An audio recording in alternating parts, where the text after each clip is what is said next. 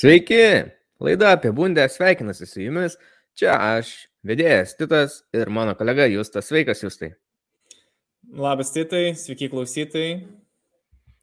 Šiandien, kas mus stebi per ekraną, gali matyti, kad esam atsinaujinę.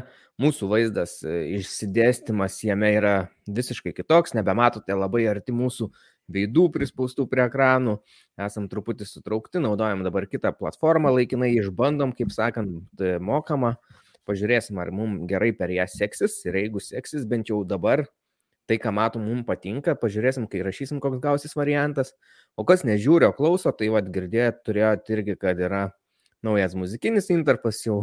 Manau, kad bus paskutinis šį sezoną, tikrai nebeturėtumėm keisti. Ir aišku, turim atsinaujinusi logotipą, kaip buvom minėję prieš keletą turbūt laidų jau anksčiau. Tai ta, ta proga, kad pakeitėm platformą, nusprendžiau, kad ir logotipą galime uždėti naują. Jį mums sukūrė Lukas Sabaliauskas, jis yra tokio internetinio dizaino e, kuriejas, galite jį kreiptis tokiais visokiais reikalais. Tai tiek, o dabar apie bundę kalbėsim, aš aptarsiu naujienas pradžioje, padiskutuosim apie kai kurias iš jūsų jūstų, tada aptarsim praėjusią Bundeslygos 19 turą, kur lyderiai Bayernas su Dortmundu susitiko su tokiais išsišokėliais, sakykime, šio sezono ir abu juos nusodino.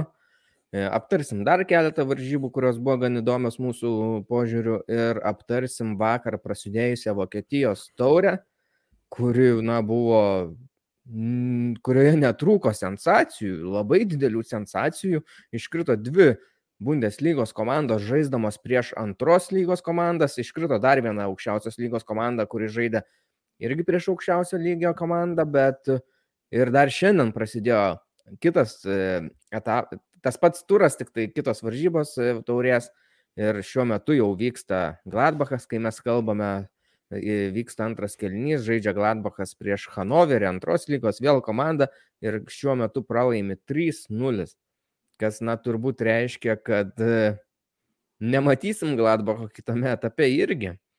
Kaip tau tokie rezultatai šiaip turėtų trumpai, nes apie taurę dar vėliau kalbėsim, bet va, ant kiek tave smarkiai šokiruoja? Visiškas kosmosas. Man ypač labiausiai šokiravo Dortmundas. Aš, trasme, kai iškrito Barnas praeitam ture, Aš jau taip buvau susitaikęs to, kad Dortmundas antrą kartą išėlės laimės tą taurę, kad galvojau, kad tai tiesiog formalumas ir laiko klausimas. O dabar taip nustebino, kad realiai turėsime naują taurės nugalėtoją. Ten per, tikriausiai per pasinius 32 metus, man atrodo, 90-ais pasikart buvo viena iš tų komandų, kas dar liko. Arba turėsime iš vis visiškai naują nugalėtoją. Gerai, pakalbėsim apie taurę, mhm. dabar einam iš eilės prie dalykų, naujienos, tik tai dar, dar prieš pat, pat tą mūsų einantį programą įprastą.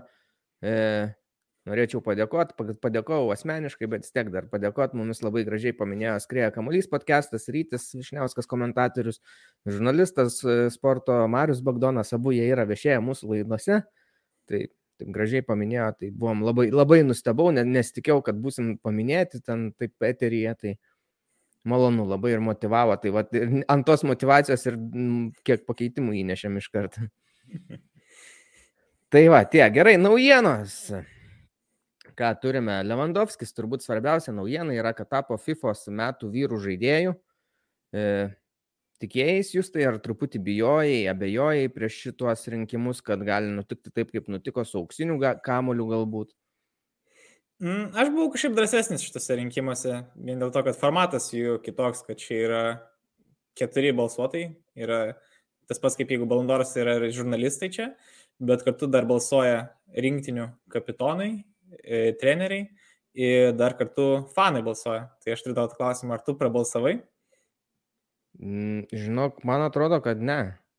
Va, va, prasideda. O aš pat prabalsavau, ten ir savo vienuoliktuką buvau sudėjęs, tai viskas pakankamai gavosi tai, kaip ir buvau prabalsavęs pakankamai. Na tai atskleisk tada, ką, ką sudėjai savo vienuoliktuką dar. Oi, dabar, dabar tai aišku, kol prisiminsiu. Ne, tai aš pačioje priekinėje linijoje, aišku, buvau susidėjęs uh, Lewandowski, Messi ir Salabau susidėjęs. Mm. Saugų linijoje tikrai turėjau, man atrodo, Žažinio kante.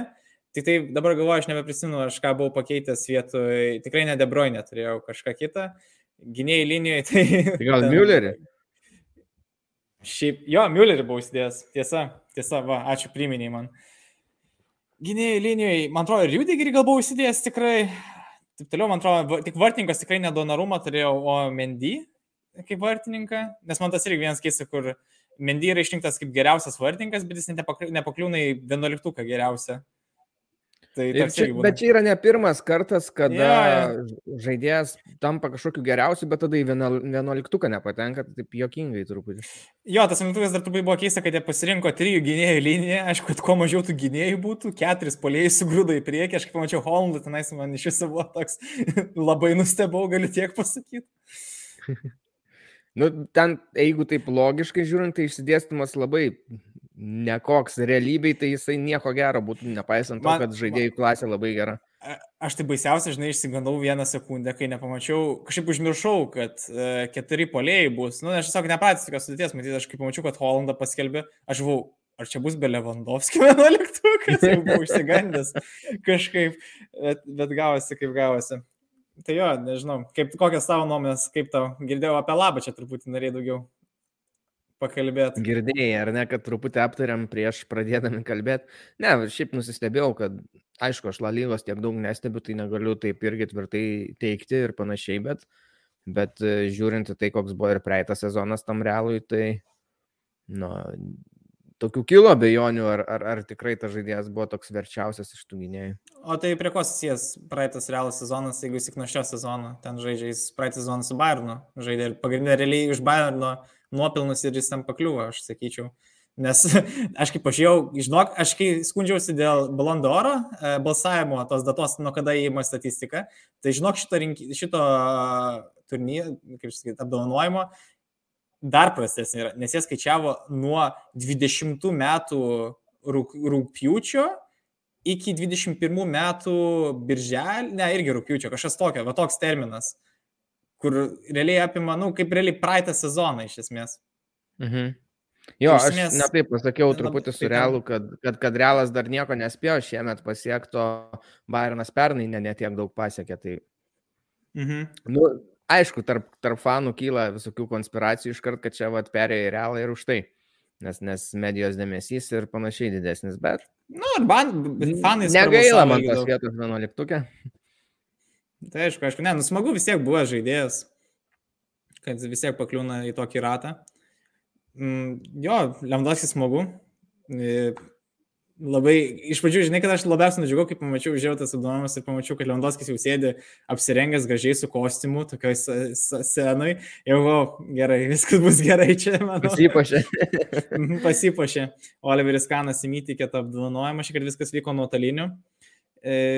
Ir ką žinau, smagu, man tai patinka, kad nors vyksta nuotoliniu, kad daug žaidėjų visai pasijungė tas metas, pats mesas buvo pasijungęs, matėsi, kad viskas cool ir smagu taip. Pamatyti, kai daugiau žaidėjų taip vienas pabendrauja. Buvai, buvai užmetęs akį į kitų žaidėjų balsavimus. Esu matęs kai kurių. Apie ką nori pakalbėti? Nu, tai apie ką kalbėti, žinai, iš tų tokių ryškiausių kad, kad... labiausiai užkliuvo mesis, kad neįtraukė vėl Lewandowski. Nu, ne vėl, neįtraukė tiesiog Lewandowski. Jis šį kartą, praeitą kartą į Balandorą tai buvo įtraukęs. Uh, nu, jis balsavo už savo draugus. Nu čia, žinai. Gerai, bet, bet labai puikiai, netrauktas už ležuvę pasakėjai. Jis balsavo už savo draugus. Nu taip, bet daug kas balsuoja. Nu, tasme, nėra tokio dalyko kaip objektyvūs rinkimai, manau, gal galime ir nuo to pradėti. Kad, nu, tikrai yra įtakos tie ryšiai, kas ką žiūri, aš vis tiek manau, kad joks futbolininkas nėra matęs kitos lygos negu savos dažniausiai, nu, taip, tikrai abejo, ar daug ką mato, taip, nebent, žinai, kažką iš medijos, pamato kokią statistiką. Ja. Tai jo, tu vis tiek ką geriausiai matai, tai matai, kas tavo lygoje yra, prieš ką tu pats gauni pažaist, gal ten žinai, kas laimi kokius titulus, nes lengva pamatyti kažkur. Ir jo, nu, aišku, tavo draugai, nes, nu, natūralu, kad tu juos geriausiai pažįsti. Hmm. Gerai. Bet smagu, tai kad Lewandowskis antrus metus išėlės gavo šį apdovanojimą. Teisingai, gavo tokį išėlės. Toks didelis pripažinimas. Ką žinau. Man atrodo, ši mašina įvarčių dar nestoja. Nu, tikėkime, dabar įvairių kalbų yra, kad, kad, kad, kad ir agentas lyg neprieštarauja, jeigu Lewandowskis išvyktų, bet, bet, bet čia spaudos spekulacijos, aš manau, kol kas šiuo metu negali būti, manau, jokių kalbų apie tai. Jo, aš žinau, čia net nenuostabu, tarsi, čia yra ne vien tai, kad, kaip, kad vien Lewandowskis individualus meistriškumas pasiekė šios pasiekimus tokius ir jo daunojimus. bet kaip jis pasako, tai ir visa komanda yra pritaikyta jam, kad jis galėtų taip save išreikšti ir taip tokius rezultatus siekti. Aš nelabai nesugalvoju kitos komandos, kuris va taip ateitų, nu nebent gal Manchester City, nu vienintelė gal tokia, bet visur kitur aš abejoju, ar jis gautų tiek pasų, tiek rezultatų perdavimų, kiek jis gauna Bayernė. Bet Citis, nu, turbūt net nenorėtų ir nereiktų jiems tokio jau vis tiek per jo, jo. žaidėjo. Aš, e, tasme, tai net ne, nepriklauso jų politikai, jie, jie dažniausiai vis tiek jums kažką tokio jaunesnio. Jo. Gerai, einam prie kitų naujienų, tada, kad jau pradėjom su polėjais vienais geriausių pasaulyje, einam prie geriausių bundėje. E, Holandas buvo po varžybų tokį pareiškimą, gal matėjai spaudos konferencijoje pasakęs e, mhm. apie tai, kad e, gauna daug spaudimo už aikštės ribų iš vadovybės, kaip suprantu, Dortmundo, kad apsispręsti, ar jis nori likti, ar nori išvykti. Ir sako, na gerai, jeigu jie nori, kad aš apsispręščiau, tai aš čia koncentravausi futbolą dabar visą laiką, žaidžiau tik tai, bet jeigu jie nori, tai gerai, aš galiu koncentruotis į kitus dalykus, toks kaip ir įgėlimas, sakykim, bet po to išeina Vatskė ir pasako, kad ne, ne, tai mes čia visiškai nespaudžiam, nors tas pats Vatskė, kiek mačiau spaudoje visą laiką prieš tai, tai kalba apie tą Holandą, kad oi mes čia išlaikyti bandysim, išlaikyti bandysim, tai Kaip tu galvoji? Aš tai manau, kad nu, ne tai, kad spaudimas, bet galbūt kažkoks atsakymo klausimas yra. O aš tai tikrai nedvėjoju, kad buvo kažkoks dialogas mesgiamas su ponu Mino Rajolo, tikriausiai labiausiai, ką daryti dėl tų papildomų metų. Nu, tarsi, aš manau, kad Dortmund yra labai aktualu, nes jiems dar reikėtų ieškoti kažkokios pamainos vienu ar kitu atžvilgiu. Uh, Nu, manau, čia gal truputį iš abiejų pusių kažkiek hiperbolės, aišku.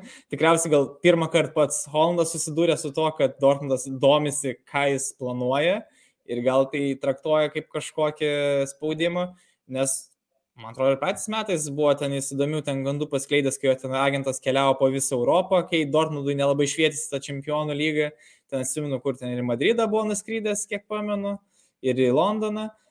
Na, tai nežinau, taip, aišku, kartais patys agentai tai padaro be kliento net ir pačio prašymo. Mhm. Nežinau, kaip tu galvoji, kokia tavo nuomonė? Nežinau, labai šiaip nesureikšminu, kažkokių yra matyti nesutarimų, vien, vieni arba dar nežino turbūt dar to Holando ir jo agento pusė turbūt dar nežino tiksliai ką daryti, neturi galbūt dar tikslaus pasiūlymo iš kitų klubų, galbūt ir negali dar turėti ir Nežinau, aš manau, reikia žaisti tą sezoną, o po to jau, kai bus, tai bus. Vis tiek, jeigu ir išeis jie, gaus tada pinigus Dortmundas ir galės e, daryti savo įmus. Nėra jiem kažkokia, lab, kažkokia netikėta situacija jiems, nes tai išpirka, išpirko suma jį stovi, yra žinoma, kad gali taip nutikti. E, ir jie yra praeitie susidūręs daug kartų su tom stacijom, kai išvyksta lyderiai, geriausi žaidėjai ir jie, na, šiaip jau pakankamai sėkmingai juos pakeičia. Na taip, bet ten, kai išvykdavo, ai, nors gerai, Mario Giotse turėjo išpirkos sumą, kai išvyko, gerai. Pa, pakeičiu savo argumentus, persigalvojau.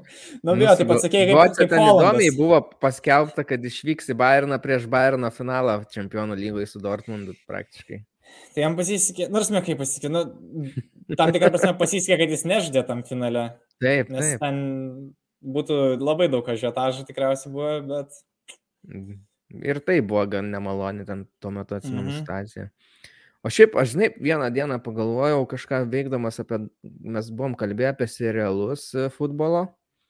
Ir aš buvau pagalvojęs tokią mintį, bet, bet ir, ir užbuvau, ir pats savo po to prieštaravau, tai va, tu man gal padėsi labiau į kur, kurią nors pusę nukrypti, kad Dortmundas vėlniai neišnaudojo jaučio auksinės galimybės, pavyzdžiui, pernai gal, ar užpernai, šiaip pernai, aš galvoju, būtų buvus labai gera, e, bandyti sukurti serialą pas save, nes tu tada turi Holandą, okei, okay, jie turi ir dabar jį, turi Bellinghamą, irgi dar ok turi, kuris yra anglas, tai jau į anglų rinką būtų visai populiaru.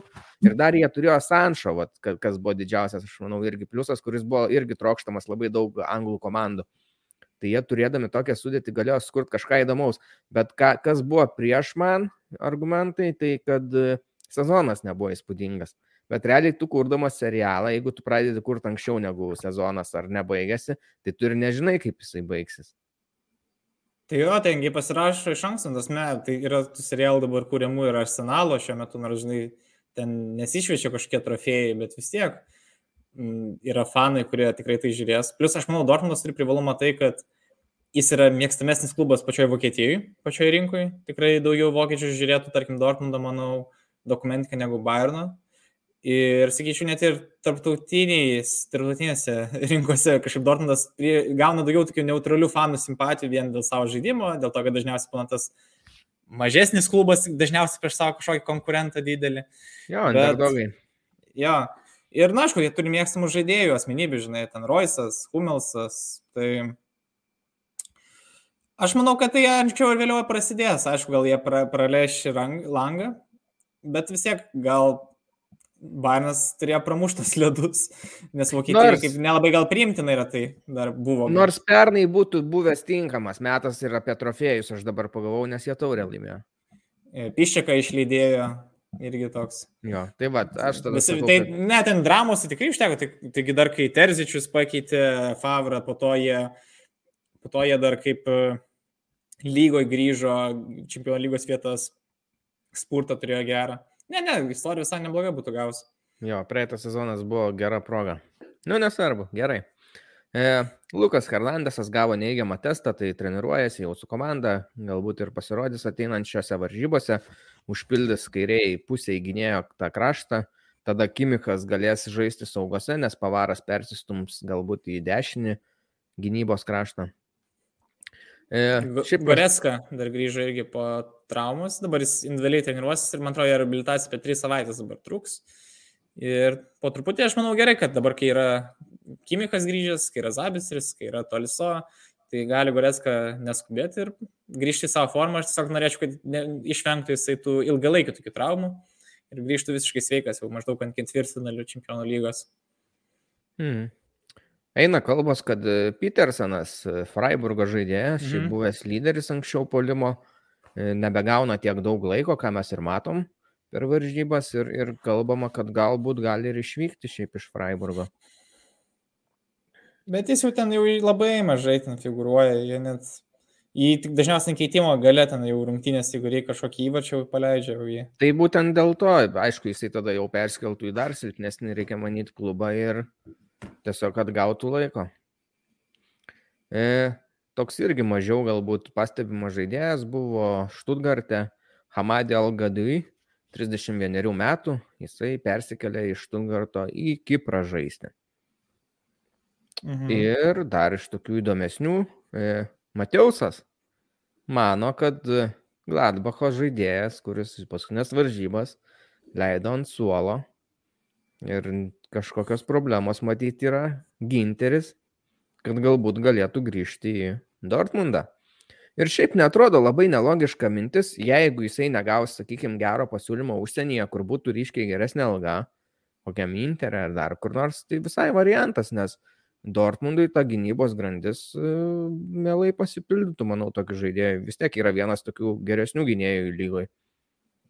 Ginteriui visai pačiu laiku, sakyčiau, išeina į tą kaip laisvas agentas, nes turės jo pasirinkimų Bundeslygui realiai tarp Dortmundo ir jeigu Ziulė neprasitėsi realiai ir net ir Bayernas galbūt galėtų pakovoti dėl jo parašo. Ir jo Bet aš tikrai... ne, nelabai sutinku, kad, kad Bayernė jisai.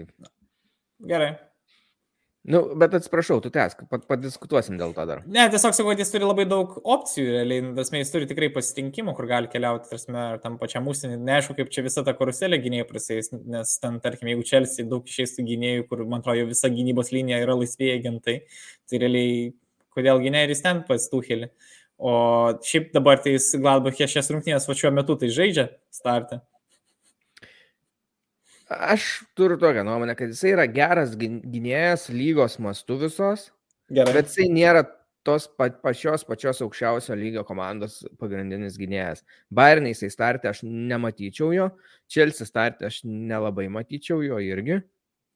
Dortmundas, kai jie pastoviai turi problemų, ten, okei, okay, ir Humelsas sensta, Emrečianas irgi nėra tas toks, jo ten visiškai pagrindinė pozicija, jis yra šiaip jau tas labiau defensive midfield, e, besiginantis saugas, tai atraminis. Tai nežinau, ten jisai man atrodo, okei, okay, sustiprins. Reikia gilumo, nes yra traumos, nepagrindinės pozicijos kai kurių žaidėjų. Bet Bayernas, Šelsi, nu, ne, man atrodo per silpnai. Ir plus jo Dabar... jau vis tiek eina amžius toks, kad jisai, aš nematau, kad jisai be galėtų būti geresnis labai. Jis jau koks yra, toks yra. Na, bet būna tokių gynėjų, kurie labai vėlai sužypa, nu, tarkim, koks žinai, kaip Vandaikas. Kiek jam dabar yra maždaug? Aš sakyčiau apie 28 kokie. Nu, tai jau vis tiek tą tokį patį piką yra jau praėjęs. Nu, kaip, Bet matai, 26-27 būna... yra pikas. Taip kaip žaidžia, aišku, jis Gladbachė aš pritarčiau tą, bet matai, būna kartais išeina žaidėjas į kitą aplinką, kitaip pasistato ir daug geriau atrodo, kaip būna geresniai komandai. Aš sutinku, kad gynėjui taip tas amžius e, atima greičio truputį, atletiškumo, bet e, gynėjam labai svarbu yra ir patirtis, tai jisai tą gali taip gauti dar. Bet vis tiek aš neinu su juo į top komandą. Gerai. Gerai. Nustam paprastą susitarti. ne, ne, tai esmė, pažiūrėsim. Man, tarkim, man šiaip, tarkim, kas, kur geriausiai įspūdį paliko, tai šiais metais Europos čempionate man visai neblogai atrodė. Už Vokietiją žaidžiant, jis ir ten dešinio krašto gynėjų gavo pažaisti. Mhm. Nu, jo greitis nėra esminis elementas, iš esmės, jo vis tiek visa prasme yra jo fiziškumas ir tai, kad jis gali žaisti su kamoliu. Mhm. Ir jis yra okay. dešinėkojas, tai jis, nu, bet jo. Jeigu vis tiek mano prioritetas būtų Ziulį išlaikyti, tai vis tiek. Jo, čia manoma. variantas būtų. E, liūdnesnės žinios, tai mirė toks legenda senesnių laikų, aš pats nemačiau nei kiek jo žaidžiančio, bet vis tiek gal yra klausytojų vyresnių, kurie žino šį žaidėją, tai Dresdeno Dinamo legenda, e, Dorneris, pravardė, slapyvardžių, pravardė, nežinau kaip sakyti tiksliau, Diksi, jisai buvo tituluojamas, jisai geriausius savo laikus leido, kai, buvo dar Vokietija suskaldyta ir jisai žaidė Dresdenę, tai reiškia rytų Vokietijoje. Tai va tiek. O dar ką norėjau pasakyti, kad pasirodė gandai apie ir Alsoną Ple, kad gali pereiti arba į Zenitą, yra Zenitas domisi, arba netgi į Newcastle, kas visai būtų gerai Gladbachui, nes uždirbtų pinigų, galbūt iš jų daugiau. O Gladbachas, kaip ir minėjom, prieš tai pas juos labai daug bus žaidėjų, kuriems bus likę tik metai kontraktų, jiems nereikės arba prasitest, arba juos masiškai pardavinėti. Tai bus tam tikras atsistatymas komandos, išviežinimas, jau matyčiau, kad jau turim tam tikrų net ir brožų su Friedrichu, ne? atėjimo į Gladbachą, kur aišku gal dabar, kol išvykęs Bensibainį yra į Afrikos čempionatą, yra kaip ir gilio stiprinimas šį sezoną, bet tai galbūt bus realiai ir ginterio pakaitalas kitam sezonui. Jo, tu čia biškai užbėgai už akių, nes žadėjau paminėti šitą, kai, kai, kai, žais, kai kalbėsim apie Gladbacho varžybas Bundeslygoje. Bet jo, Friedrichas iš Uniono atvyko į Gladbachą, sumokėta maždaug 5,5-7,5 milijono, ten ta suma plaukėjo taip Ir jisai, jo, kaip, aš tai manau, kad labiau gal netgi ne Bensabaini, o Ginterio, kad pakaitalas būtų, apsiprastų, patyręs gynėjas.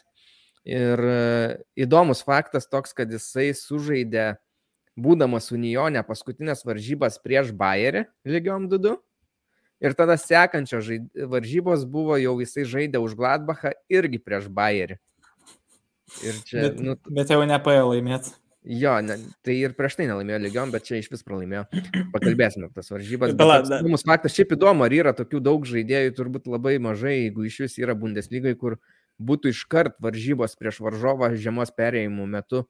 Na, tarsi, mm -hmm. prieš tai, ką žaidėjai prieš tai, būtų atstovaudamas komandą, perėjęs į naują prieš tą patį varžovą. Na, nu, Aišku, gimimų teorija sako, kad tikriausiai turėtų būti toks žaidėjas, bet dabar tikrai nesugalvočiau, bet tikrai toks išskirtinis. Čia reikėtų gerai knistis, kad atrastum dar. Dar, vad, ką norėčiau grįžti truputį prie būsų temų, dar kadangi paminėjai Matėjusą, o jisai buvo atėjęs į tos FIFA apdovanojimus, ypač kai 11 rinko pasveikinta 11.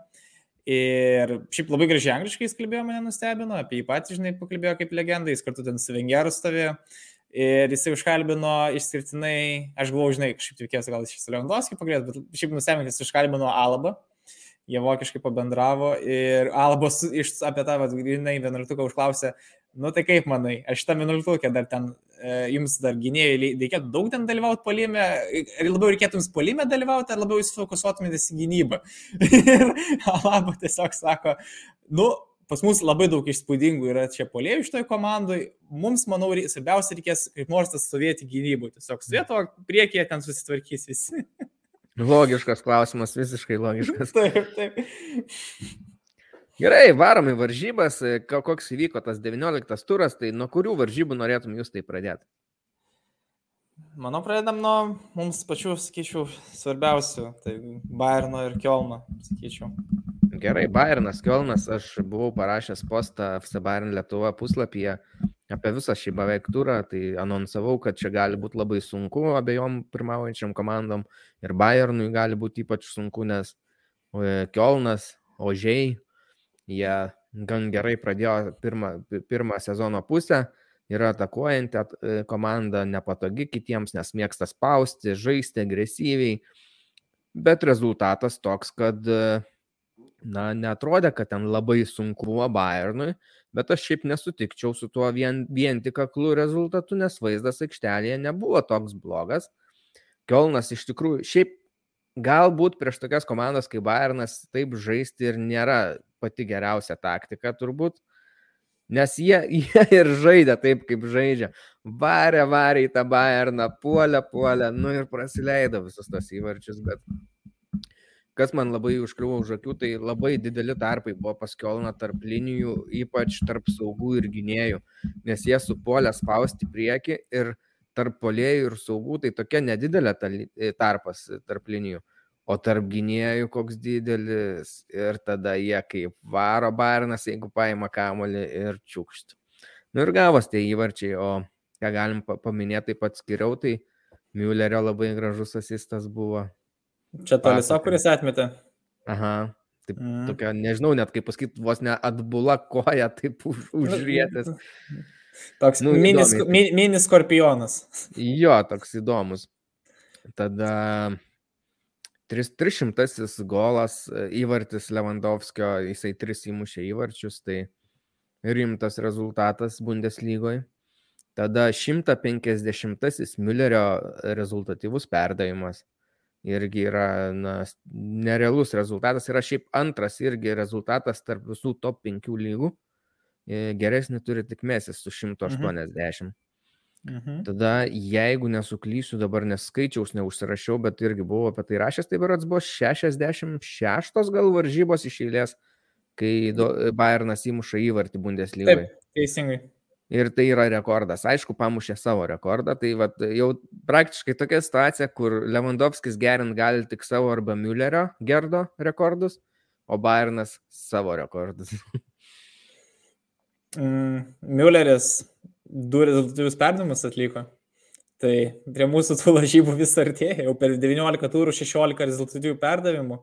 Jau taip jau labai efektyviai ir rimtai jis juda. O, bet mūsų kitas lažybas e, pameni? Su kas daugiausiai įvarčių muš žaidėjų? Aha. O, tai, tai man atrodo, mes dabar kol kas lygiosiam varom. Mes visiškai lygiosiam varom, nes abu turim po nulį. Nulį. Ir jo, ir tada reiktų per kiekvieną laidą mums turbūt anonsuoti, koks tas rezultatas toliau. Šiaip planavau padaryti lentelę apskritai, koks mhm. yra tų žaidėjų be Lewandowskio ir Holando po žiemos pertraukos rezultatas visų, net ir ne mūsų pasirinktų, na, tarsi, kas pirmauja, žinai, nes mums reikia, kad mūsų žaidėjas taptų trečias, bent jau. Bet, bet nepadariau, bet, bet e, kitą, kitą laidą, manau, bus galima jau šitą dalyką padaryti. Šiaip, šiaip palei tai, kas vyksta, tai galima manyti, aš než, nežinau skaičių tiksliai, nes kau nevedžiau, bet šikas nemažai mušė gali būti vienas iš tų tokių. Mm, Andrės Silva. Andrės Silva gali, va, nu, to, tokie žaidėjai, kurie nėra visiškai netikėti, sakykime. Mhm.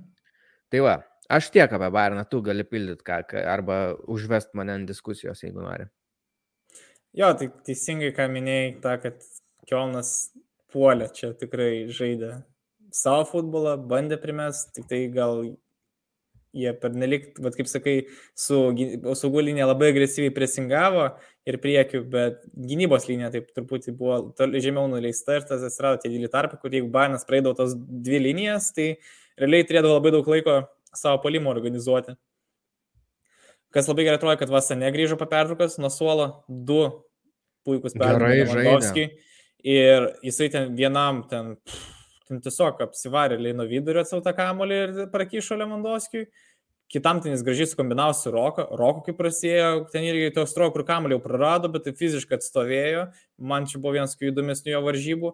Ir to lisodintas, ne vien tas, kad jo tas įvartis iš kairės kojas toks buvo geras ir galingas, bet jisai ir labai daug kovoja, ypač viduryje, ten būtent pirmam įvarčiui jis ir atkovojo kamuolį aikštės vidury, jį išspyrė toliau ir ten po to jau Lewandowskis ten suorganizavo tą visą polimą, ką jam ten reikėjo.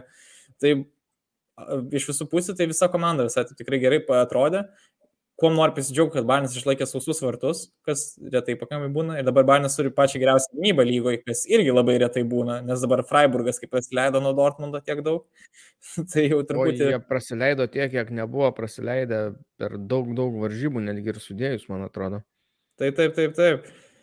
Tai super, super. Pavangiausias Kielno momentas tai buvo, galvoju, Tilmanas, ne, neprisimenu dabar pavardės gynėjas, kur su galva mušė ir skersinį kabina patinę dalį skersinę. Bet buvo, ten. jie buvo, Utas man, ar ne Utas, aš dabar Utas galvoju, buvo įmušęs.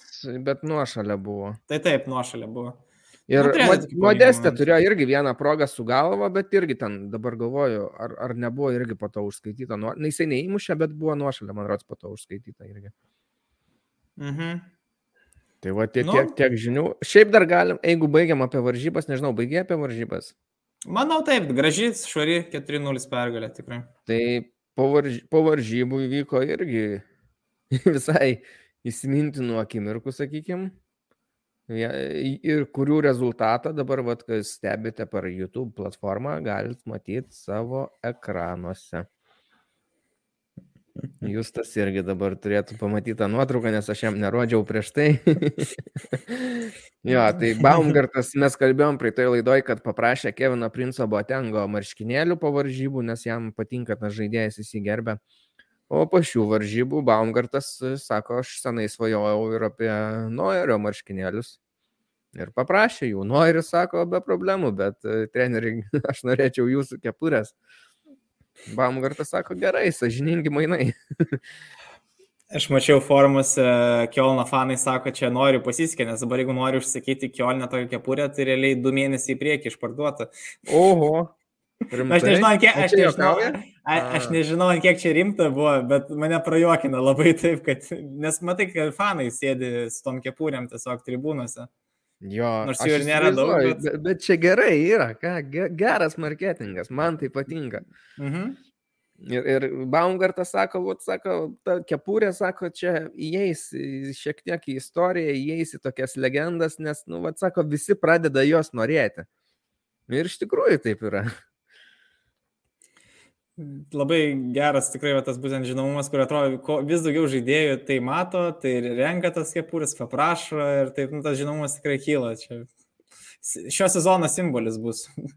Vienas iš jų tai tikrai šimtų procentų. Gerai, tai einam tada į sekančias varžybas. Jeigu sakai, kad pradėjom nuo svarbiausių, tai tada aš manau, kad antros svarbiausios turėjo būti Dortmundas su Freiburgu, nors jos baigėsi ir labai irgi lengvai. Dortmundas 5-1 laimėjo prieš Freiburgą ir čia turbūt jau priešingai negu kad su Kielnu Bayernas. Rezultatas ir atspindi maždaug tai, kas turėjo būti, nes Freiburgas atrodė labai blogai mano galva. Pirmam kelny buvo apgailėtini, nepabijosiu pasakyti, tikrai nieko nesukūrė. Absoliučiai nieko. Dortmundas valdė visą kamolį, valdė atakas, atrodė, kad jie net, e, Freiburgas net nežino, ką daryti. Jie, jeigu aš neklystu, 43 gal minutę atliko, jeigu užskaitė tai kaip smūgį, atliko pirmą smūgį link vartų, nes šiaip, na, realiai tai net nebuvo panašu į smūgį, ten su galva kažkur pamušė ir jokio absoliučiai pavojaus nebuvo. Antram kelny, na, taip, bet antram kelny, žinai, jau buvo 3-0, tai Dortmundas truputį atleido tas modelės, davė truputį ir jiems kamulio daugiau nes e, pirmam kelnyje Dortmundas turėjo 70 kamulio kontrolę, o antram tik 58. Na, bet čia yra normalu, nes pagal rezultatą yra žaidžiama jau. Tai ten jau susikūrė tų, tas kelias progas, įmušė ir įvartį tą sekantį, jau 3-1 buvo rezultatas, Demirovičius įmušė atsakomą į Freiburgo įvartį. Bet po to Dortmundas atliko dar keletą žaidimų, e, keitimų, atsiprašau, ir Hollandas įmušė savo antrą įvartį tose varžybose. Ir jau praktiškai, kai tapo 4-1 varžybos buvo uždarytos. Ir dar vėliau dar vieną Dahudas vėl ant galas mėgė 86. Dahudas tampa antras varžybas iš eilės ant galo įvarčių mušėjų. Šulcas gerą asistą atliko. Tai su Šulcas gerai sužaidė su Malinu krašte senelė. Jis atsilaisvinęs, bet sukūrė tiek daug erdvės Zahudui, kad jis negalėjo ramiai užsi, užsimot ir, ir tokį gerą smūgį atliko. Šiaip apskritai sakyčiau, na taip, aišku, Blankės varžybas pagal Freiburgą, kiek mes žinom Freiburgą, bet labai geras varžybas Dortmundo. Tarsi, pirmam kelnys 70 procentų kamulio kontrolė, tai čia yra ne juokai, čia tas metu neduodi kitai komandai tiesiog žaisti, tu jos nudusini. Ir taip ir atrodė. Ir ypač, tarsi, aš noriu išskirti žaidėją, kuris man dar kitų savo dviejų įvarčių man gražiai atrodo, na, iš šitas metu Tomą Manie, kaip jis atrodė tose varžybose, Dasme, net nebe tų įvarčių, bet tiesiog kaip jis kontroliavo kamuolius, kaip jis spėdavo pargrįžti, kovoti, presinguoti, viskas labai gerai. Tai čia man buvo jo geriausias varžybos. Dar tie, aišku, du įvarčiai iš kampinių nuo brando pakelti, tai tiesiog dar, aišku, višnaitės ant torto, bet tiesiog tobulos jo varžybos. Tiesa, tiesa, aš pradėjau kalbėti ir labiau susikoncentravau į tos vidurio ir pabaigos įvykius, bet tai pirmus du įvarčius įmušė Tomas Munie ir tai yra geras jam pasiekimas, gynėjas įmuša tos įvarčius, gynėjas, kuris susilaukė daug kritikos, susilaukė ir iš mūsų įvairių mhm. pastabų. Jisai jau kelias varžybas žaidžia gan gerai ir Dortmundui tai yra laimėjimas. Ir kaip sakėm, Dortmundas grįžta iš traumų ir aš tikrai tikiu, kad Dortmundas e, antrą pusę sezono, jeigu nepas, nepatirs kažko tokio žiauraus iš traumų pusės ar lygų, jie turėtų tą antrą pusę sužaisti geriau negu pirmą. Ir tai šiek tiek gali duoti e, tos intrigos lygai. Mhm. Mm, kas dar labai tokio įdomus buvo, na, aišku, Bellinghamas vėl rado Hollandą puikiai, ten Hollandą man patinka ta technika, kuris pabėga turbūt per toliau su tą savo kairę atsiliekančią koją, taip savo pasistumė kamuolį, tą taip gražiai dar užsuko. Mm, Šulca minėjai kaip pakeitimas, kaip atėjo visai, irgi visai neblogai atrodo, nors jis irgi toks žaidėjas, kuris labai daug kritikos susilaukė. Ir nelabai pritapo, nors buvo vienas iš tų trijų didelių transferų atėjęs į Dortmundą kartu su Azaru ir Brantu. Mm, ką čia dar paminėt? Man atrodo, kaip ir viskas sudėliojam šitose varžybose. Gerai, tai, jo, galim toliau važiuoti. Gerai, kadangi baigiam apie Dortmundą, bet kad einam ant kitų varžybų, prieš einant aš Tik tai pasakysiu kažkiek susijusią su Dortmundu tą žinią, tokia, kur prieš tai pamiršau truputį, kad e, mes neklydom ir tu ypač tada užsiminiai prie toj laidoj, kad e, kalbėdavom apie teisėją e, Zvojerį, kad e, teisingai ištariau turbūt, ne? Svairis. Svairis, atsiprašau. E, kad, kad sakėm, kad kalbama, kad žaidėjai patiria spaudimą ten. E, grasinimus ir panašiai, o apie teisėjus nekalbama ir dabar išlindo, kaip tik po mūsų laidos visą savaitę šią ėjo e, interviu buvo su juo Sports Kajus darė e, ir dabar penktadienį turi pasirodyti kažkokia, nežinau, laida ten ar, ar kas, turbūt, kad laida. Ir jisai ten atvirai kalbės labai, bet iš to, kas pasirodė, tai jisai taip pasakė, kad ir policija kreipėsi ir visur, nes jisai susilaukė ir jo šeima grasinimų nužudyti. Ir dabar tas dalykas e, sukasi Bundeslygoje, nes ir e, Freiburgo treneris Kristianas e, Štraichas irgi kalbėjo spaudos konferencijoje apie tai, kad na, nesąmonė ir panašiai. Ir Dortmundas labai daug dabar kritikos susilaukia už tai, nes na, kalbama, kad, na, kaip pasakyti, paaštrino visą tą situaciją, kas Bellinghamas, Dortmundo žaidėjas realiai, nes jisai išėjo viešai su pasisakymais. Aš neteišiau to žaidėjo, nes na, jisai turėjo teisę pasisakyti, iš esmės jisai nieko nepasakė, kas būtų visiškai netiesa, bet, bet e, kad tai irgi paskatino fanų galbūt didesnę reakciją, tai, na, šiek tiek yra tiesos irgi turbūt. Žodžiu, ta situacija tokia aštri ir, ir iš to interviu nuotrupų, kurios yra dabar tik iškarpos pa, pa, paviešintos, tai na matos, kad bent jau tas teisėjas labai toks su, sunerimęs ir sunkiai renka žodžius kalbėdamas apie visą tai.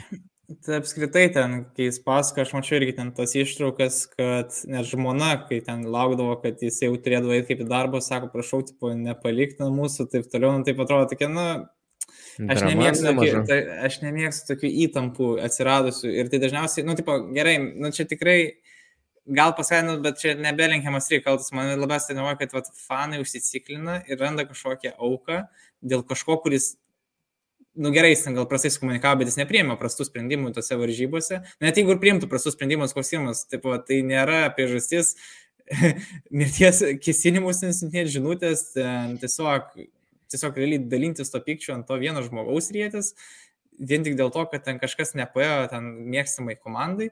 Nežinau, man tas, mane labai erzina tas pat būna su žaidėjais, kai būna, ir man atrodo, nu, tiesme, nes visas stresas persideda ne tik tam pačiam žaidėjui, bet tai dažniausiai liečia ir šeimą jų, prasme, ir vaikus, ir žmoną. Tas, tas pats buvo su Praso, kai realiai su Fliku buvo tie, ėjo gandai, kad ten piktis prasidėjo, tada ten, kur Barno fanai buvo iššokę ant Praso, kur realiai ant jo vaikų, kur atrodo, ką jie padarė, kokia prasme, kur atrodo, žinai, sako, geriau gal pykit ant manęs, bet ne mano, prasme, šeimos.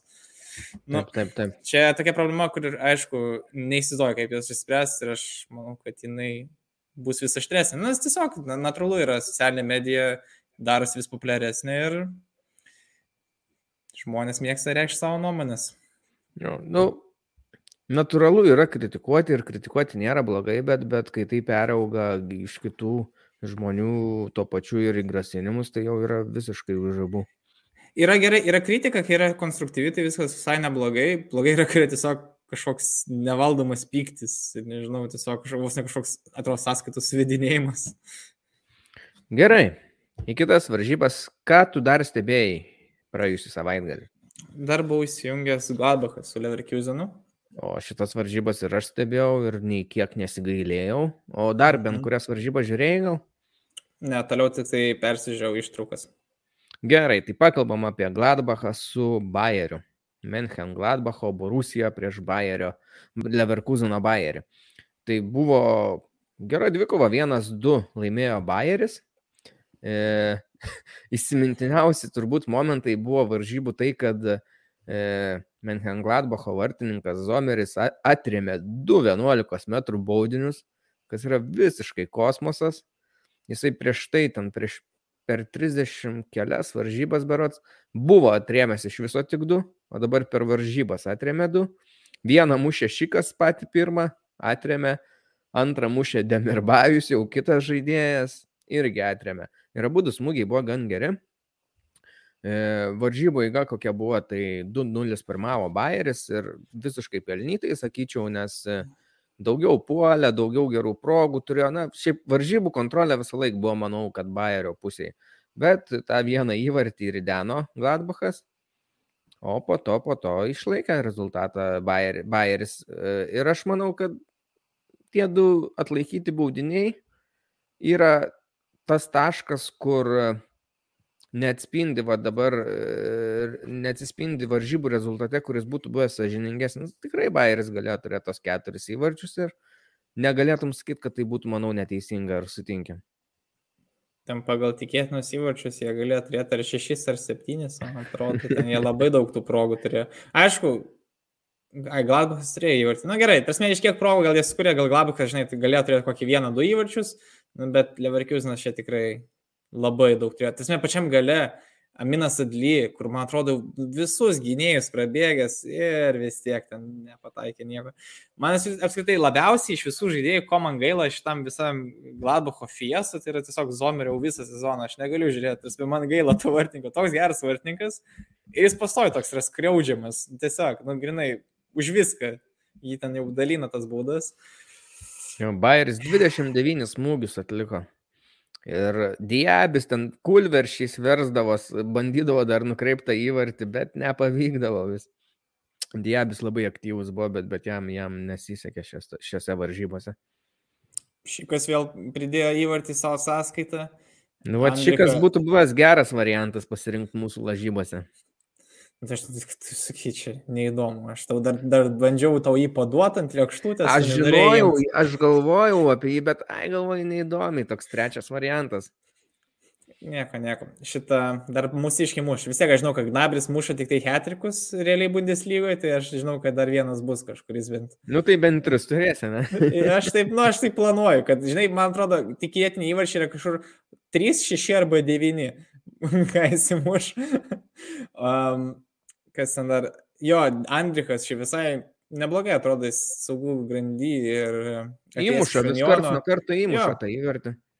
Iš standartinių situacijų irgi dabar va, iš kampinio pabėgo, psikoja, uždarė tą progą. Irgi žaidėjas atvykęs iš, iš Unijono, kaip, kaip Friedrichas, iš uh, Unijono į Gladbachą. Nu, matome, kad Unionas vis dėlto praranda tų žaidėjų, visi kur kažkur išsivaikština, Lensas į Frankfurtą, bet vis tiek Unionas sugeba ras tinkamų pakaitalų už tinkamą sumą. Tai Jie šiaip turėjo tuo metu tų, to, tokio gynybinio plano e, žaidėjų pakankamai daug, netgi per daug, dėl to jie, jie juos ir parduoda. Bet, bet, vat ir trimelis jau sensta gan smarkiai, tai reikės galvoti kažką kituose sezonuose. Bet gerai, į varžybas, aš ką norėjau daugmaž pasakiau, gali bandyti tu dar, jeigu turi kokių minčių. Iš tikrųjų noriu pasakyti, kad e, atrodo Gladbachas čia įveikė Bayerną, čia to atsigaus, jau to galima bus pradėti kilt į lentelę, darytis Europos vietų. Ne. Aišku, šitas varžybos jiems baigėsi geriau negu pirmam rate prieš Leverkuseną, kur ten jie gal trys praleido įvarčius ar, ar daugiau, ten, ten baisiai gausi. Ten buvo tas, man atrodo, juodžiausias Zomerio rungtynės, kuriam ten viskas atšoko, krito ten gal net keturis jie prisileido dabar, kaip įsimenu.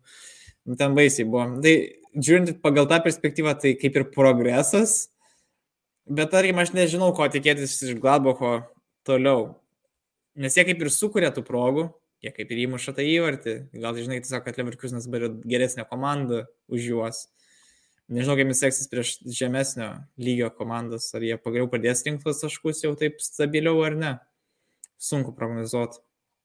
Ir jeigu mes sakėm, kad galbūt ir yra žaidėjas, kuris prieš pereidamas paskutinės varžybas su savo komanda žaidė prieš varžovus, prieš kuriuos žaidžia perėjęs pirmas varžybas į kitą komandą irgi prieš tos pačius, tai dabar kitos varžybos bus prieš savo komandą, iš kurios išėjo. Glad, Gladbachas žais prieš Unioną. Tai va tokio žaidėjo tai jaučiu nėra Bundeslygoje. Nu, čia jau jo, darosi jau sudėtingiau tavo. Trigubą uždėjau spyną. Čia, čia tie tokie rekordai, kur žinai, kur ten būna, ten specifiniam stadione tą valandą, tą dieną, kur įvyko. Tai ja, čia čia NBA labai yra tas jo, jo. populiaru, kur ten tą minutę geriausiai sužaidęs. taip, taip, čia kur e, po, per naujosius metus, ten dvi rungtynės iš eilės, vienintelis metęs pergalingą laimėjo tą metimą, čia kaip buvo dabar su Derozanu. Na, žodžiu, jo, man grinai NBA asocijuosi tokie dalykai. Reikia iš bet ko padaryti kažkokią sensaciją, kažkokį rekordą. ok, tai tada aš paminiu kitus rezultatus ir dar truputį prisustosiu prie vienos komandos. Trumpai. Gerai. E, tai Arminija, e, e, Bielefeldo Arminija sužaidė lygioms 2-2 su Furto Greuther. E, Augsburgas sužaidė lygiom 1-1 su Frankfurto Eintracht. Mainzas laimėjo 1-0 prieš Bochumą. Unionas laimėjo 2-1 prieš Hoffenheimą, va čia toks buvo galbūt e, įdomesnis rezultatas, na, ne, ne, negali sakyti, kad netikėtas, bet, e, bet toks svarbus jiems rezultatas, nes abi dvi gan geros komandos žaidė. Bet ir labai apylygios komandos susirinko. Jo, 0-0 Wolfsburgas su Hertha. Nu va čia aš nežiūrėjau šitų varžybų. Šiaip sekmadienis buvo vienas neįdomiausių per ilgą laiką, man atrodo, ar ne? Mhm. Nors šitos varžybos nesekmanį vyko, bet, okei, okay, tada apie 0-0 Wolfsburgas su Hertha, tai tokia, nežinau, lai nepyksta, jeigu yra bent vienas fanas šių komandų, bet tokia nevykėlių dabartinių šios formos, nevykėlių dvikova. Aš žinau, nei, būčiau... Nei vieni, nei kiti ne, ne, nesugebėjo laimėti. Žinok, aš tai sakyčiau, kad gal net ir Hertos forma yra geresnė už Wolfsburgo. Netgi gal ir taip drįščiau pasakyti. Žinok, aš kaip mačiau tą visas rungtynės, kaip sakant, kalendoriją, tai aš man čia kvepėjo, lygiuosim labai kažkaip. kaip bebūtų liūdna žiūrint į Wolfsburgo sudėti ir perspektyvas, bet, bet ten nieko jam nebuvo, aš smėjai, bet pasijungiau, nu ne varžybą žiūrėjau, gal kažką praleidau žiūrėdamas ištraukas, bet ten, man atrodo, iš visų šios rato varžybų, čia buvo pačios nuobodžiausios varžybos, man atrodo, bent tokį įspūdį susidariau. Ne, ne tik vien dėl to, kad šitų įvarčių nebuvo, bet ten ir progų nebuvo normalių. Mhm. Ten tiesiog, na nu, aišku, trūksta, man atrodo, Galvosburgai Luko Mečos, kuris buvo gerą formą įgavęs. Vekorsas tai iš vis dingęs vaiduoklės, jeigu ten praeitą sezoną jis virš 20 įvarčių turėjo, tai aš ja. nežinau, ar šį sezoną 10 pasieks tų įvarčių. Sunkiai. Ne, gal 10 pasieks, bet, bet esmė, kad vis tiek tai yra per pus kritimas. Bet Nežinau. ir tai sunkiai, sakyčiau, žinok, sunkiai. Mm. Jeigu komandos visos gerim, žaidimas negerės, tai sunkiai. Nu jo, nu taip, aš sunkiai įsivaizduoti, kad šita komanda visada žais taip, kaip dabar žaidžia. Bet Tiesa. aš nežinau, kada jie pradės žaisti gerai, tipo, kada bus tas vat, permušimo momentas. Nes, tarkim, lyginant, tarkim, Leipzigą, bet tu norėjai kažką dar apie Štutgartą pakalbėti. Tai va, aš šito, rezultato ir nepaminėjau. Ai, tai, gerai, tai... gerai. Gerai, nes, nu, nes vat, Leipzigas, vat, ta pravės, nu, jau, jau Maskvų komanda jau pagauna ritmą, jau pradeda žaisti, kaip mes esame įpratę žaisti, pradeda rinkti rezultatus, e, susirinkti taškus ten, kur reikia. Ir dabar realiai net galėsi tik titulą pretenduoti dar. Tai va, Štutgartas 0-2 pralaimėjo Leipzigui. Leipzigė įmušė įvarčius. Andrėjas Silva pirmą įvartį įmušė iš 11 metrų baudinio ir antrą įmušė Nkunku. Aš pagalvojau, vat, po šitų kelių turų, jau praėjus mūsų lažybom, kad mes šiaip durnai padarėm ir praleidom irgi žiauri gerą variantą Enkunku. Ne. Aš jį buvau pamastęs, aš tiesiog... Tai aš, aš sakiau, pamiršau, žinok, tuo metu. A, aš, aš norėjau tiesiog kažko įdomesnio, aš nenorėjau tų visų realių paimti. Tai gerai, mes abu įdomiai pasirinkom. tai taip. Tai, tai gerai, apie lažybą tokia ir esmė yra, kad reikia imti to pačio logiškiausio. Nes, nu, čia saugiausias variantas, aišku, buvo pasimti šiką kokį ar silvą ir, ir sėdėti ramiai. Nu ir tai dar neaišku, bet jo. Na, tai. Gerai, tai laimėjo 0-2, Štutgarto forma yra labai prasta, jie laimėjo, nelaimėjo nei vienų varžybų per keturias paskutinės varžybas Bundeslygoje. Iš tų keturių vienas sužaidė lygiom, tai iškovojo tik vieną tašką, ir pirmą kartą dabar po šio turo pateko į tiesioginę iškritimo zoną. Prasti rezultatai. Mes kalbėjom apie jų tas priežastis, kad jie turėjo daug pagrindinių žaidėjų, kurie pernai buvo tie, na, jų sėkmės kalviai ten ir Kaladžičius, ir Mvumpa. Ir jie buvo ilgam iškritę, praktiškai visai pirmai, jie nežaidė visoje pirmoji pusėje, gal ten paskutinėse varžybose išbėgo, dabar net nepamenu, bet man atrodo, kad ne. Uh, Ir, ir po to buvo dar eilė žaidėjų, kurie, na, protarpiais vis nežaisdavo. Ir kai tu, yra netgi paskaičiuota, vienas puslapis paskaičiavo, kad žaidėjai pagrindinės sudėties, kurie praleido bent tris varžybas, tai jų sąrašas susidaro ilgesnis negu Dortmundo. Mes visą laiką kalbėjom, kad Dortmundas turi labai labai ilgą gerų žaidėjų sąrašą. Tai vad Štutgartas turėjo tokį sąrašą ilgą. Ir irgi toliau ten statistikos buvo tokios įdomios pateikta, kad jie nubėga, pavyzdžiui, 2,5 km mažiau vidutiniškai, visa komanda bendrai paėmus, negu pernai sezone. Tada pernai buvo treti pagal sprintus e, lygoje, tai ta, tokius išbėgimus staigius, e, kur, kur perdodamas mhm. kamuolys tam išbėgančiam žaidėjui. Šiemet jie yra 12, na tai labai kritas rezultatas. Aišku, kaip skau, nėra, nebuvo Mvumpos ir nebuvo Kaladžičiaus. Mvumpa tai ypač, nes jisai buvo greitas tas žaidėjas, kuris gali per šoną bėgti. Ir, ir na, matyt, komandai nėra daug tokių kitų žaidėjų. Aš skaičiu labai ir Kalaidičiaus truko, nes jie turi tokius žaidėjus kaip Bornas Sosa, kurie labai gerai gali pakelti kamuolį būdas aikštelio. Kalaidičius yra vienintelis toks aukštas žaidėjas ir fiziškai pakankamai pajėgus juos uždaryti. Ir, Plus, skaičiu, na gerai, Plius išvyko ir Gonzalesas iš komandos irgi polime buvo ge, ge, geras žaidėjas pernai. Aišku, jis labai daug traumuotas buvo. Bet jo. Tada mm, treneris dabar jau irgi truputį pasisako pikčiau viešai, pyksta ant kai kurių žaidėjų, jų neįvardyje, bet pyksta, kad neprimtini jų pasirodymai, trūksta atsidavimo, kad reikia išeiti kitaip nusiteikus į aikštę ir jeigu jie pasistengtų labiau, tai būtų geri žaidėjai. E, čia toks to... turbūt po autobusų, sakyčiau, numeta. Ar jis išskyrė kažkokias pavardės? Ne, pavardžių nesakė. Ai, tada gerai, bent tiek, ne. bet vis tiek. Sakyčiau, nelabai gerai komandos atmosferai. E, tu, tu, tu. Toliau, ką norėjau pasakyti, kad, a, e, Dabar, matai, buvom kalbėję, man rodos, irgi kažkurioje laidoje, kad Štutgartas jie ne, išeis e, vykdantasis, vykdantasis direktorius iš posto po, po šiuo sezonu ir ten dėl, dėl to pagrindinio prezidento, neaišku, irgi kas ten turbūt gali išeiti, tai daug tų laisvų vietų atsiranda, o sporto direktorius yra žinomas, kalbėjom, jisai e, Svenas Mislintatas, Ir jisai, jisai garantavo, bent jau jeigu liks klube, kad e, nepaisant to, ar klubas išliks aukščiausioje lygoje ar ne, jisai neplanuoja atleisti trenerio Materaso. Tai čia toks, aišku, saugumas treneriui, labai smagu, kad yra pasitikima, bet, bet, bet, aišku, bet yra, sakau, pats neužtikrintumas visoje organizacijoje. Ir žiauriai įdomus skaičiai, kurių aš, na, ne, nebūčiau pagalvojęs, kad taip gali būti, nes, pavyzdžiui, Štutgartas pernai buvo devinti. Taip. Geras sezonas, žiauriai jiems, nes jie buvo tik pakilę. Taip. Ne, ne, neseniai.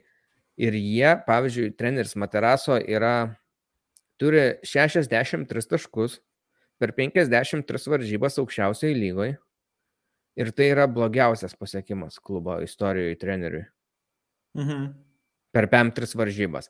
Aišku, čia yra labai daug kabliukų, nes ne visi treneriai išbūna tiek varžybų turbūt, kad im tokia imti. Bet vis tiek toks, nu, tu sužaidi vieną visą pilną sezoną žiauriai gerai ir tada pusę kito blogo užtenka, kad būtų vienas blogiausių rezultatų. Na, bet ta pusė, žinai, tiek bloga, kad jie dabar yra ten prie dugno. 17. Nu. Tai gal ta viskas ir susidėlioja, žinai, ten išveskime vidurkį ten 9-17 vietos, nu ir gausis ten 13 kokia. Nu, tai... Nu, jo, o Štutgartas, nu, tai yra daugkartiniai čempionai lygos istoriškai. Taip. Tai va, tiek apie Bet, Štutgartą norėjau pasakyti. Aš, aš, aš dar noriu apie Štutgartą pridėti. Vat specifiškai apie šias varžybas, nes šiaip šiose varžybose sakyčiau, nors labai gal išskirs numerį vieną asmenį Kristoferį Ankunkų, nes jisai sukūrė 11 m baudinį, uždirbo darimų šį įvartį, bet man ten esminis žmogus buvo vis tiek Petris Gulačis, ką jis ten traukė, kaip jis gelbėjo varžybas. Ir, sakyčiau, Štutgartas turėjo daug, daug progų irgi ten mušt, ir vartininkas jas būtent neutralizavo. Šiaip, va, ką pamiršau minėti, mes taip įdomu kalbėjom, kad ir Hradeckis šiaip nu, geras Glabucho traukė. Šiaip šis turas man taip įsiskyrė, kad vartininkai turėjo labai daug tokių gerų momentų. Ir va, dabar net vienas, va, va šitas, grinai užsidėjau ant Gulačio, nes Šūrtas ir Kalaidišius turėjo su galva gerų progų ir ten buvo gerai užgulę pasai mušinė, nu jis gerai refleksiškai uždarydavo savo kampus ir virš savęs jau ten nepramuždavo, refleksija gerai suveikė. Tai aš skaičiau, Štutgartas su savo žaidimu, jeigu, tarkim, jie palaikys tokį žaidimą, kaip jie žaidė prieš Leipzigą, nu, okei, okay, prieš Leipzigą tu gali pralaimėti, nes jie turi aukštesnės kokybės žaidėjus. Bet jeigu jie taip žais toliau prieš kitas komandas, tai jie turėtų anksčiau ir vėliau pradėti rinkti tos taškus, nes, nu, tu jeigu pradėsi stabiliai kurtas progas, nu, okei, okay, tau nepasiseka, ten pagali pralaimėti grinai dėl įvairių priežasčių, bet jeigu tu stabiliai palaikai gerą formą, kaip tu žaidži, tu pradėsi rinkti tos taškus. Ir aš, tarkim, kol kas matau daugiau pragieduriulių šitam Štutgarto komandai, negu, tarkim, Wolfsburgui, kol kas, bent jau iš to, kaip, ne grinai žaidėjų kokybės, bet kaip jie žaidžia tiesiog. Jo, tai tiesa, aš apie Štutgartą ir praeitai laidoje sakiau, kad yra vilties, nes visi tie žaidėjai turėtų atsigauti ir, na, tas pagyvėjimas privalo būti, aš manau. O Wolfsburgas, Dar... jie, jie turi gerą sudartį, sudėti, bet jie nerodo rezultato dabar. Ir aš nežinau jiems, ko reikia, impulso kažkokio, bet kada jisai atsiras ir nuo ko. Treneris jau pakeistas, dabar pertraukos kažkokios labai ryškios irgi nebus. Nu, nežinau, kas turi nutikti. Šiandien. Plus tikrai gerai, kaip minėjai, aš net nebuvau pagalvojęs apie tai, kad Štutgartė yra tiek daug traumų. Nes tai čia tikriausiai viena labiausiai ištraumavusių rinktinių Bundeslygoje. Jo, bet, bet e, ten ne, ne tai, kad vienu metu, bet vis pamainom, vis daug pagrindinių -hmm. žaidėjų. Vienas kitas, vienas kitas. Aišku, du pagrindiniai visą laiką buvo traumuoti, bet, bet, bet ir Aišku. kiti. Tai va, gerai, tai baigiam turą ar ne, galim panonsuoti, mhm. tik tai kas bus galbūt uh, kitą savaitgalį, artėjantį dabar. Tai įdomios varžybos Gladbachas prieš Unijoną, Bayeris prieš Augsburgą. Augsburgo jaunuolis Pepi beje pareiškė taip drąsiai, kad sako, norėčiau su Augsburgu žaisti čempionų lygoje. jis sakė, drąsiai. ne tai, kad norėčiau, jis pasakė, kad čia yra svajonė. Nu, su tom svajonėm įdomiai. Štutgartas prieš Freiburgą, vat, bus visai irgi įdomu, manau. Hoffenheimas prieš Dortmundą bus geros varžybos. E, Dortmunde Emredžianas patyrė traumą, tai su Hoffenheimu irgi neturėtų žaisti. Mhm. Ir Leipzigas su Wolfsburgu. Na, nu, čia ir... neįdomios varžybos bus jau kažkaip. Man tai vis tiek įdomu, tarsi gali būti neįdomu, jeigu Wolfsburgas bus toks, koks yra dabar. Mhm. Bet įdomu visą laiką yra man pažiūrėti, ar jie, na, kaip ar atsigaus ar ne, iš to principo. Gerai. Ir Hertas su Bayernu irgi panašiai. Nors aš nematau jokių šansų jam atsigauti prieš Bayerną, bet, na, Bayerno varžybos man visą laiką įdomios. Tai tiek iš artėjančio turo. Keliausim dabar į taurę. Turėtų būti irgi įdomus tas toks mūsų tarpas pokalbio apie taurę, nes įdomus įvykiai buvo.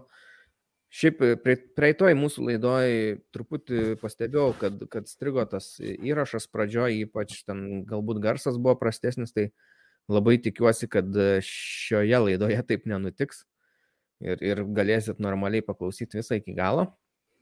Naudodamas į to interpų dar noriu pasakyti, kad galite mus sekti, mes rašom Afsibarin Lietuva Facebook puslapyje, klausyti mus galite YouTube'ai, galite klausyti Spotify, Anchor, Apple podcasts. Ir aš netgi galvoju, kad e, yra padbinę taip, kad e, su, su paprasta labai paskira galima įkelti tik tris video, man atrodo, e, tris įrašus, tai aš galvoju, kad galbūt reiktų keisti tada seniausius ir bent jau po to naujausią vieną visi kelti gal, nes, nes girdėjau, kad vis žmonės sako, kad mėgsta per ten klausyti, tai reiktų gal ir palengvinti tada, aš galvoju. Tai va, tik tai tiek, kad nerasit senesnių įrašų, gausit tada klausyti tos, kurie išeina iš karto paskubėti, truputį nepasilikti vėlesniam laikui, bent porą savaičių. Ir žiūrėkit, kas bus Patreonė, nes jau aš ten ėmiausi reikalų ir bus naujienų. Tai va, varom į taurę. Taurėjai oficialu, visiškai oficialu, kad Gladbachas iškrito ir Leipzigas mhm. pateko. Mhm. Ir kadangi Gladbachas iškrito, tai Hanoveris pateko, irgi reiktų atiduoti, nu, nu, nusimti kepurės, bet aišku, mes su jūsų negalim apie tas varžybas nieko daugiau pasakyti, nes kalbėjom tuo metu, va, štai čia, o nestebėjom jas. Ir jau Šiaip... netrukus, netrukus prasidės der, Berlyno derbis, todėl mes turim paskubėti.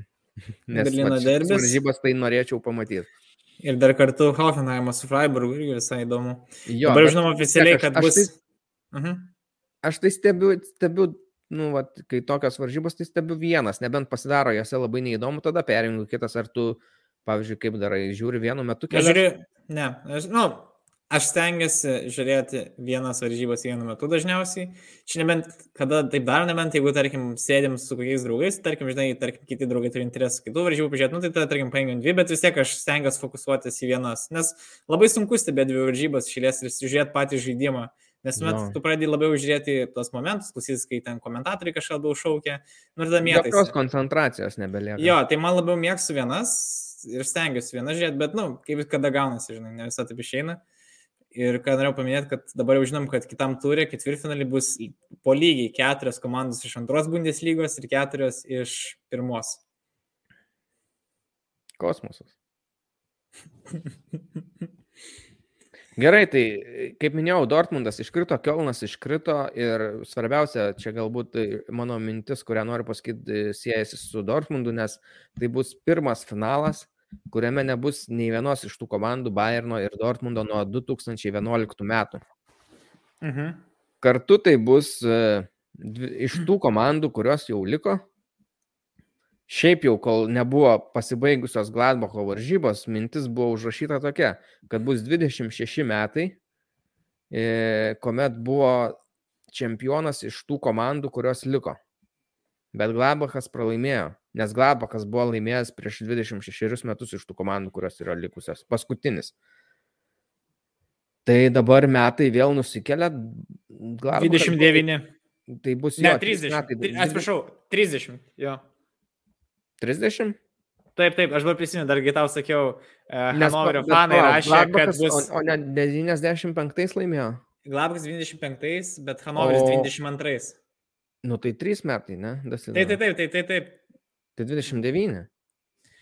Tai, bet jeigu 92 vyko, tai 30. Nes dvi, aš buvau užrašęs 26 metus, jeigu 3 dasideda, tai 29.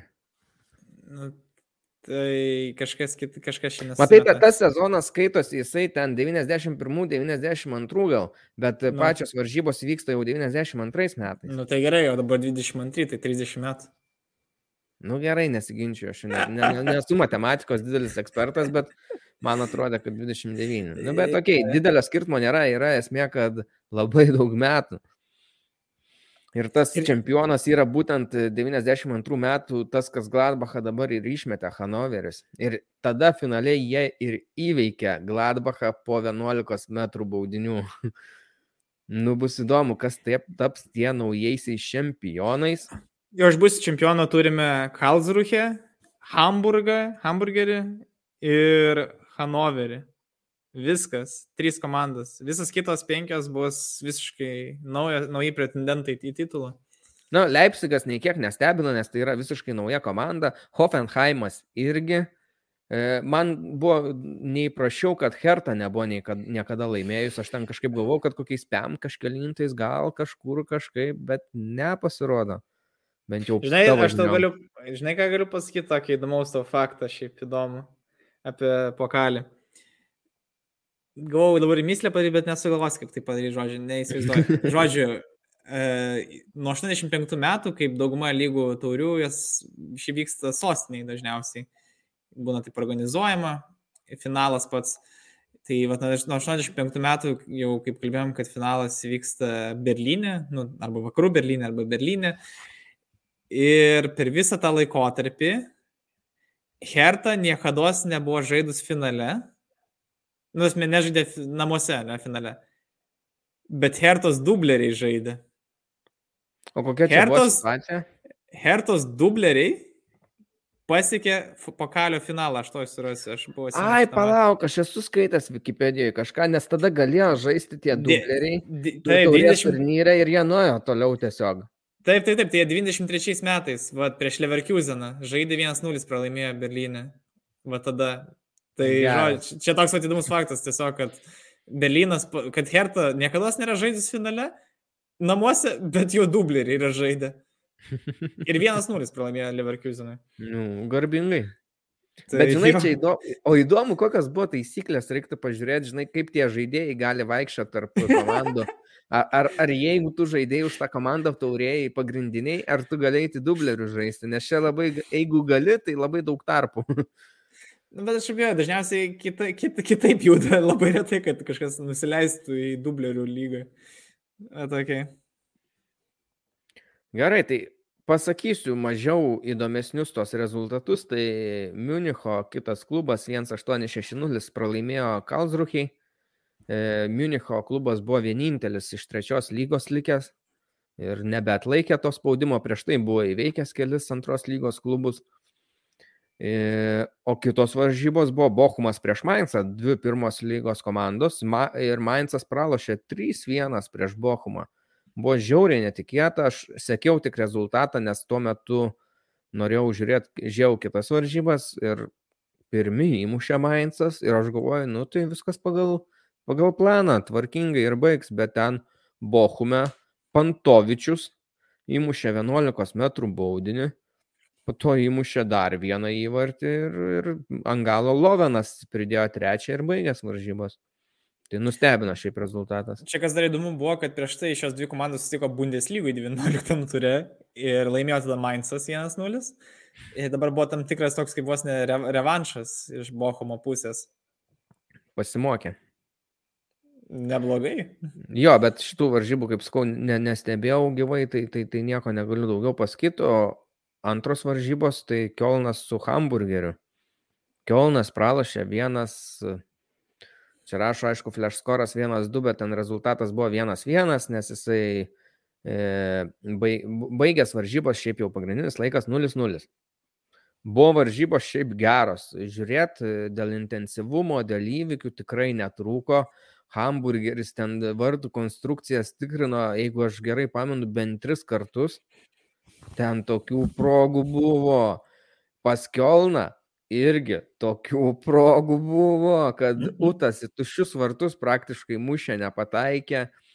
Hektoras iš esmės turėjo susilaukti raudonos kortelės, bet nesusilaukė. Nu, tokių žiauriai gerų epizodų buvo, tai, tai, tai kas matė, turėjo nesigailėtas varžybas.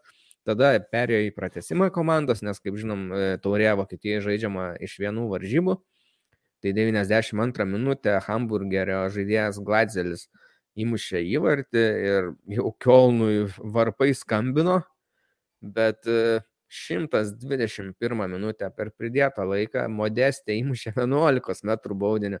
Tu matei tą epizodą su baudiniu? E, ne, ne, žinok, ne. Aš, žinok, nemačiau niekas pakalbėjo. Tai, tai ten, nu, toks šiaip skistokas pakankamai baudinys, nes Modestė, aišku, jisai buvo priekyje, jisai buvo užsiemęs labai gerą poziciją ir iš tos, iš tos pusės aš visai suprantu, bet jisai virto, nu, tai taip, manau, pagražindamas smarkiai.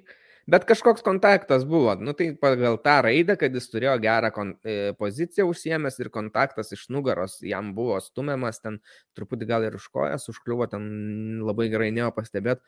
Tai okei, okay, nuskyrė tą pen, penaltį 11 m baudinio, tai įmušė aišku ir ėjo į baudinius komandos. Nu ir jie pramušė, Kielnas pramušė pirmą baudinį, o Hamburgas pramušė antrą baudinį ir tada iki pat pabaigos jau nebepramušė, kol Kainsas stojo pats paskutinis mušt baudinio. Jam reikėjo būtinai mušti, nes jeigu pramuša, tai ir pralaimi. Tai Kainsas įmušė. Ir mačiau pas mus klausytojas ir puslapį klausė, kas ten buvo, kad sako, įmušė normaliai vienuolikinį ir neuskaitė.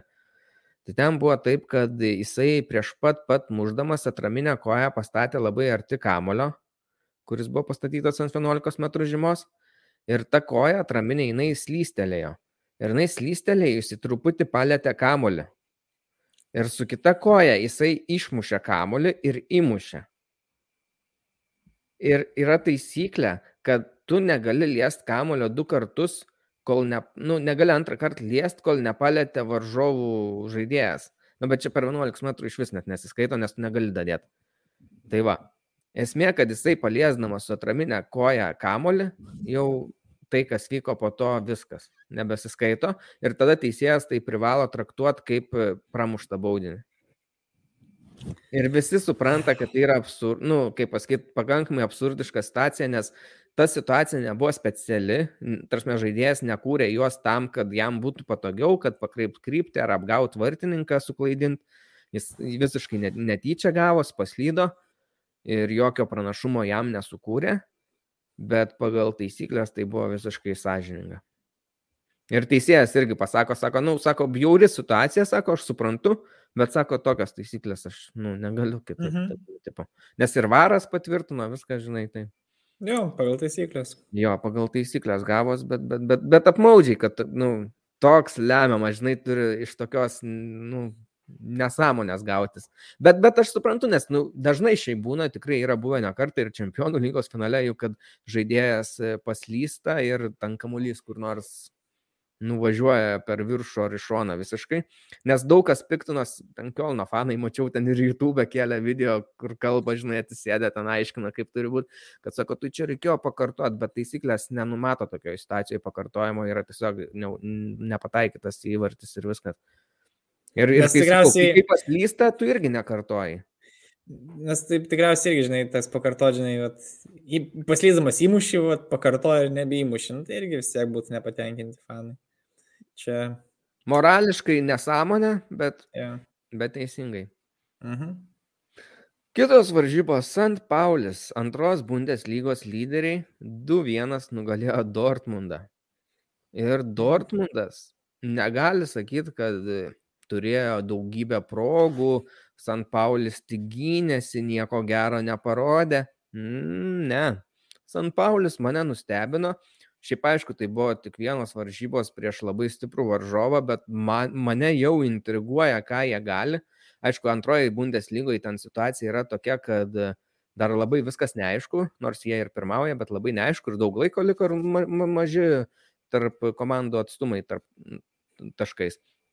Bet jeigu jie patektų ir taip žaistų, tai visai įdomiai atrodytų. Nes jie, ne, jie žaidžia drąsiai, jie nebijo, jie tą Dortmundą biški paspaudė ir atakavo, geras atakas kūrė. Dortmundas pirmas 10 minučių iš vis labai prastai atrodė. Nu, tą kamolį praradinėja, ne, tokios atakos, nežinau, neišbaigtos, be minties. Ir treneris po to pyko, sako, kaip gali šitaip, Rozė išės, kad sako, kaip gali šitaip komanda išeiti išeit nenusiteikus, šitaip klysti. Mūsų varžybų startas, sakė, buvo labai blankus, nesimatė užsidėgymo, kurį, nu, matydavom šiaip tikrai visi ankstesnėse varžybose, paskutinėse.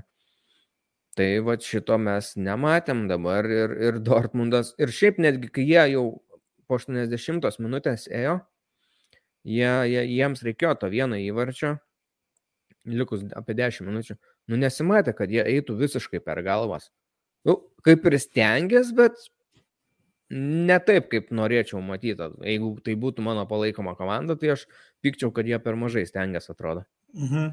Nu, aišku, nesiklijavo matyti tą dieną, bet, bet nežinau, piktą ir, ir, ir nelabai fainiai turėtų būti fanams jų. Praleido gerą progą tiesiog pasimti antrą kartą išėlės titulą. Ir Rozė irgi minėjo, kad sako, pagrindinis turnyro favoritas yra iškritęs. Kelias tiesus ir laisvas. Ne. Na, aš jau kaip minėjau, man tai irgi atrodo, kad šitas jau buvau nusteikęs, kad Dortmundas tikrai paims tą trofėjų ir mane dabar net grįžo intriga į pokalį daugiau žiūrėti, nes dabar tai viskas neaišku, kas čia dar gali įvykti. Jo, ir mes irgi sakydom, kad jau kai Barinas iškrito, jau tas kelias pakankamai laisvas, nu dabar tai iš vis. Nu, kaip ir sakom, 26 metai, tos daugiau 29-30 metų, jo, komandos iš tų, kas liko, nėra laimėjusios, tai čia bus, nu, tom komanda, ta komanda, kuri laimės, tai bus amžiaus, ar ne tik amžiaus, nes jau ir praeito amžiaus, tiesiog įvykis. Tai net 5 iš 8 šių komandų net nėra laimėjusios. Net nėra laimėjusios, čia yra kosmosas. Le, šiaip Le... Leips, okei, okay, žiūrėk, Tomas mums davė klausimą. Taip. Ka, kuri komanda yra favoritas laimėti dabar išlikusi? Nu, tai Leipzigas, čia tai be klausimų, man atrodo. Ar Leip... galėjo oponuotam? Ir jisai šiaip klausė, man atrodo, net ne kuri favoritas, o kur finalas. Finalas modeliuoti jo. Tai šiaip, jeigu aš irgi Leipzigą sutinku, kad yra favoritas, nes, nu, stipriausia sudėtis. Bet e, kokią antrą komandą? Aš visai, žinai, ką norėčiau matyti. Hoffenheimą, man būtų įdomu. Tu nori, kad Vokietija degtų, tu nori, kad Vokietija degtų, kur dvi nemėgstamiausias komandos kovoja dėl titulo finale. Hoffenheimo su Leipzigu. Šiaip užskaitau variantą, man labai patinka šitas, bet, bet nežinau. Tai gal nedengtų, visi ignoruotų ir nekreiptų dėmesio, nes šiandien jų komandos. Ja, ja. Šiaip tarp kitko, pirmą kartą Vokietijos super taurė irgi nebus Dortmundas prieš Bayerną po ilgo laiko. Jau ilgokai dažniausiai ir būdavo. Ir šiaip Hoffenheimas jau pralaimi 0-1. tai dar nesibaigė tos varžybos, dar nesibaigė varžybos. Žinai, tarkim, ar, tarkim, žinai, čia labai suburtais dar, ne? Vat, aš sakyčiau, kad tavo gal variantas, nors dabar pralaimi, žinai, ten Freiburg ir panašiai, nu, tipo, nu, okei, okay, vietoj Hoffenheimo Freiburgas, ar kas nors tokio yra gal labiausiai tikėtinas. Bet, žinai, dar gali būti, tarkim, burtais, kad kitame etape, tarkim, jie susitinka su Leipzigu. Taip, taip, Aš, tarkim, labiausiai ką norėčiau pamatyti, e, tai tarkim, nu, Hertha irgi pralaimė idėją, norėčiau, negalvoju, gal namuose sužaistų pagaliau. Nu, bet tai Unionas gali namuose sužaisti. Nu, ne namuose, Olimpijos nu, stadione. Nu, gerai, mieste. Namuose. Na gerai, bet o Hertai tai šešis namų stadione. Uh, tai aš turiu geresnį variantą. Aš pasilieku prie Leipzigo vieno, nes aš vienai per kitaip tikiu, kad jie iki finalo nais ir jeigu klubpilas tai finale. Ir finale aš jums parenku legendinį klubą, aš sakau, kad nebus naujo nugalėtojo, aš renkuosi Kalzruhe. Ir būtų labai įdomu pamatyti, kaip Kalzruhe iškritus į trečią Bundeslygą žaisti Europos lygui. Nu, tu čia labai drąsiai, ne Europos, man rodos, o konferencijų gal ne? Jau perkelė, anksčiau tai Europos lyga tiesiog laimėdavo kelialapį. Euro... Nu, bet čia kol nebuvo konferencijų, ne? Nu, pažiūrėsime. Aš tai manau, kad jis nu, gerai, pažiūrėsim. Šiaip e, aš va dabar, kai neliko Bairno, tai man jau kas, žinai, tai aš visai palaikyčiau tas antros lygos komandas ir man dvi imponuoja, tai Hanoveris ir Hamburgas. Hamburgas dėl savo to istoriškumo buvo rimta labai pirmos lygos komanda ilgą laiką. Bet jo, kaip sakau, Leipzigas yra vienas tas variantas ir tu sutinki. Antras man visai atrodo Hoffenheimas, nepaisant to, kad jie dabar pralaimi. Bet jeigu pralaimėtų, Tai tada aš manau, kad būtų realiausias variantas Herto ir Uniono poros laimėtojas. Ok. Tai va. Tai tiek, ką? Mhm. Gerai, tai. Ačiū klausytojams. Informaciją apie sėkimus ir klausimus jau pasakiau. Susitiksim kitą savaitę, nes dabar vat, savaitgalį bus dar Bundeslygos varžybos ir ta laida kitą savaitę bus uh, E, paskutinę prieš pertrauką, nes po to savaitgalį nebebus Bundeslygos. Ir, nu, pažiūrėsim kitą laidą, aptarsim, kas kada bus, paplanuosim. Ačiū Jums, kad klausot ir iki. Ačiū Titai, ačiū klausytams, iki.